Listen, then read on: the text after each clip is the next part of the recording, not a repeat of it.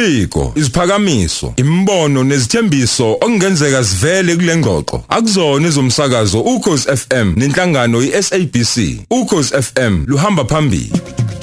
Siyangena sithi vuka uqonde kamanzi ngeze politiki nosolwazi ubheka imngome Zulu dlakadla sikubingelele emsakazweni ukhozi FM.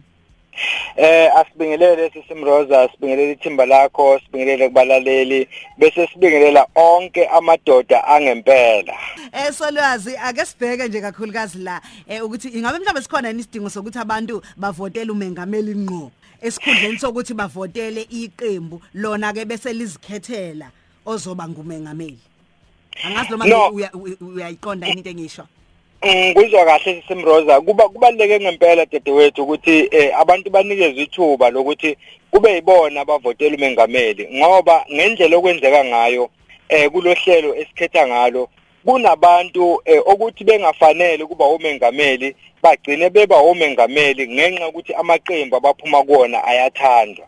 Okusho ukuthi ke ngaleyo ndlela eh, ugcina uvotela umuntu eh obungafuni ukuthi kube uyena ozoba umholi wezwe kodwa ngenxa ukuthi nje uthanda iqembu elithile bese umbotela eh ngoba amanye amazwe ayakwenza lokho ukuthi umengameli amvotele ngqo. Uma uzobheka amazwe afana nje no-Australia o-Kenya eh namanye amazwe ingisho nabo Zimbabwe la komakhelwane bayakwazi ukuthi bamvotele ngqo umengameli ukuze uma kukuthi khona izinto ezingahambi kahle babe nendlela ukuthi eh benza kanjani ukuze bamshintshe. Ngoba njengamanje uma nje kuthiwa uyalithanda iqembu elibusayo noma kanjani umuntu elifolosa ngaye uzogcina udla umhlanganiso ukuthi unawo amava noma kanawo lokho akusho lutho. Okugcina ke manje abavoti eh kubanqinda amandla bangabe sakwazi ukuthi babe nezwi ukuthi ubani uzoba umholi. Mm hayi cha eh ngiyakuzwa solwazi. Uyazi nakho phela khona nanokhetho la ngo2024 eh mhlambe ke ungayithi uyichaza nje kancane yokubaleka kwalenkomfa ye defend our democracy kwiANC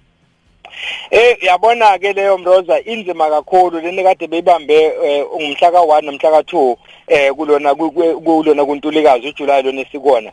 Eh uma uzobheka izikhulume kade zikhona lapha noma abantu kade bekhona ohlelweni okufaka phakathi eh oadvocate uMojanku Gombi owakwaba illegal advisor ka former president ubaba uThabo Mbeki ubheka umcebisi Jonaso o Reverend Frank Chikane izinto ekade beyidingida lapha izinto ezibaleka kakhulu ezisibuyisela emuva ukuthi yakhiwa kanjani iUDF United Democratic Front nalento eyayibizwa ngeMass Democratic Movement MDM kwaqala kancane kanje. Ukuthi kube khona ungeneliseki ngohulumeni ophethe ngoba khona izikhalo abantu abeza nazo. Njengoba nje bahlale besitshela indaba zokuthi ulondo ushadile ulondo ushadile sesiku level 6 manje sisho kanjalo ngapha emakhaya masichaza uload shedding okusho ukuthi ke ngalo ndlela uma abantu benganelisekile ngendlela uhulumeni ophethe ngayo ngaleso sikhathi babe sebezithathela bona amandla ngendlela kodwa esemthethweni isinyathelo ke salaba akade behlangene ngempela sonto izinkomba zokuthi uma iANC ingaqapheli ingaqaphelanga kahle kukhona okuzoyithusa ngo2024 ngoba sebaqalile manje abantu bayasho ukuthi asenelisekile ngendlela okwenzeka ngayo. Ziningi izinto eziphumayo esipoliweni asike zameni ukuhlangana ngoba nayo iFreedom Charter ka1955 yaqala kanje. So ke ngasho ngithi into ebaleke kakhulu dadewethu okufanele iANC ikubheke ikubhekisise lokhu akade bekudingida bese ilungisa lapho kunamaphutha khona. Solwazi iyangihlekisa le ukuthi ulondo ushadile. Hayi bengayazi load shedding ulondo ushadile. yo ayicakelungile mhlawumbe ungaka ungakaphumi nje ngiyazi mhlambe khona ongakubeka nawe eh okuyimizwa yakho la njengoba sazi ukuthi ke kubungazwa ke umhla ka4 kuJuly namhlanje njengosuku okwashiswa ngalo ke isigodlo sasondini. Mhlambe kukhona nawo ongakusho.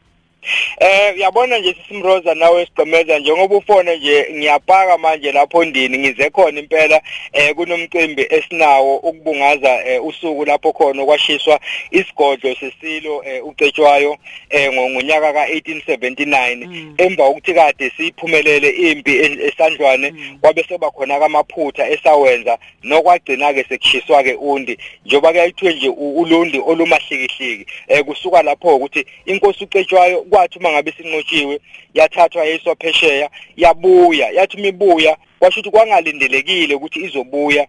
Yafika ke isigodlo sawo sizanye kuzanywa ukuthi sakhiwe kabusha.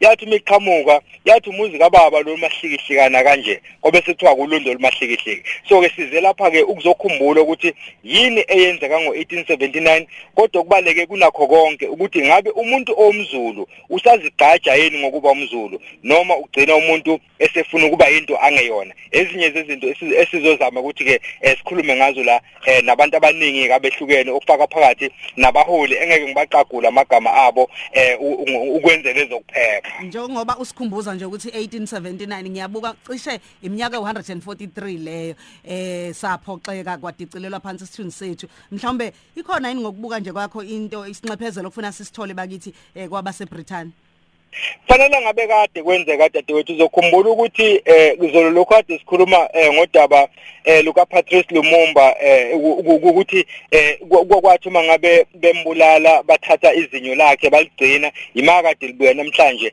Enye izinto kade siphawula ngazo kule viki edlule ukuthi iBelgium iyayikweleda iDRC nathi ngokunjalo amangisi ayasikweleda ngoba okokuqala nje babe ngenasidingo sokuthi beze bazosihlasela la ngoba phela inkosi ucetshwayo yayiphethe izwe layo. Basuka le bazosukela la sabakhombisa ke sidume ngazo ke esandlwana njengoba sengishilo kwaba namaphutha ke sawenza emva kwalokho sagcina sesinqotshwa ke lapha ondini kodwa nje iqiniso lilonke ukuthi abaseBrithani basikweleta yebo singabantu abalungile sesabaxolela siyabaxolela impela kodwa kufanele basinxephezele ngoba phela kuningi okonakala nesithunzi sethu njengozulu sacekeleka phansi. So basikweleta mroza kuyofanele na kanjani indlovukazi nje ibone ukuthi yenze njani behlangene no prime minister wayo 4 July ngo1879 yo hayi cha ikhathi ziyahamba siyabonga kakhulu professor ukuthi ube kanye nathi emsakazweni ukhozi FM eh asibonge sisimroza le yivuka Africa breakfast show. Ukhozi FM lo phambili.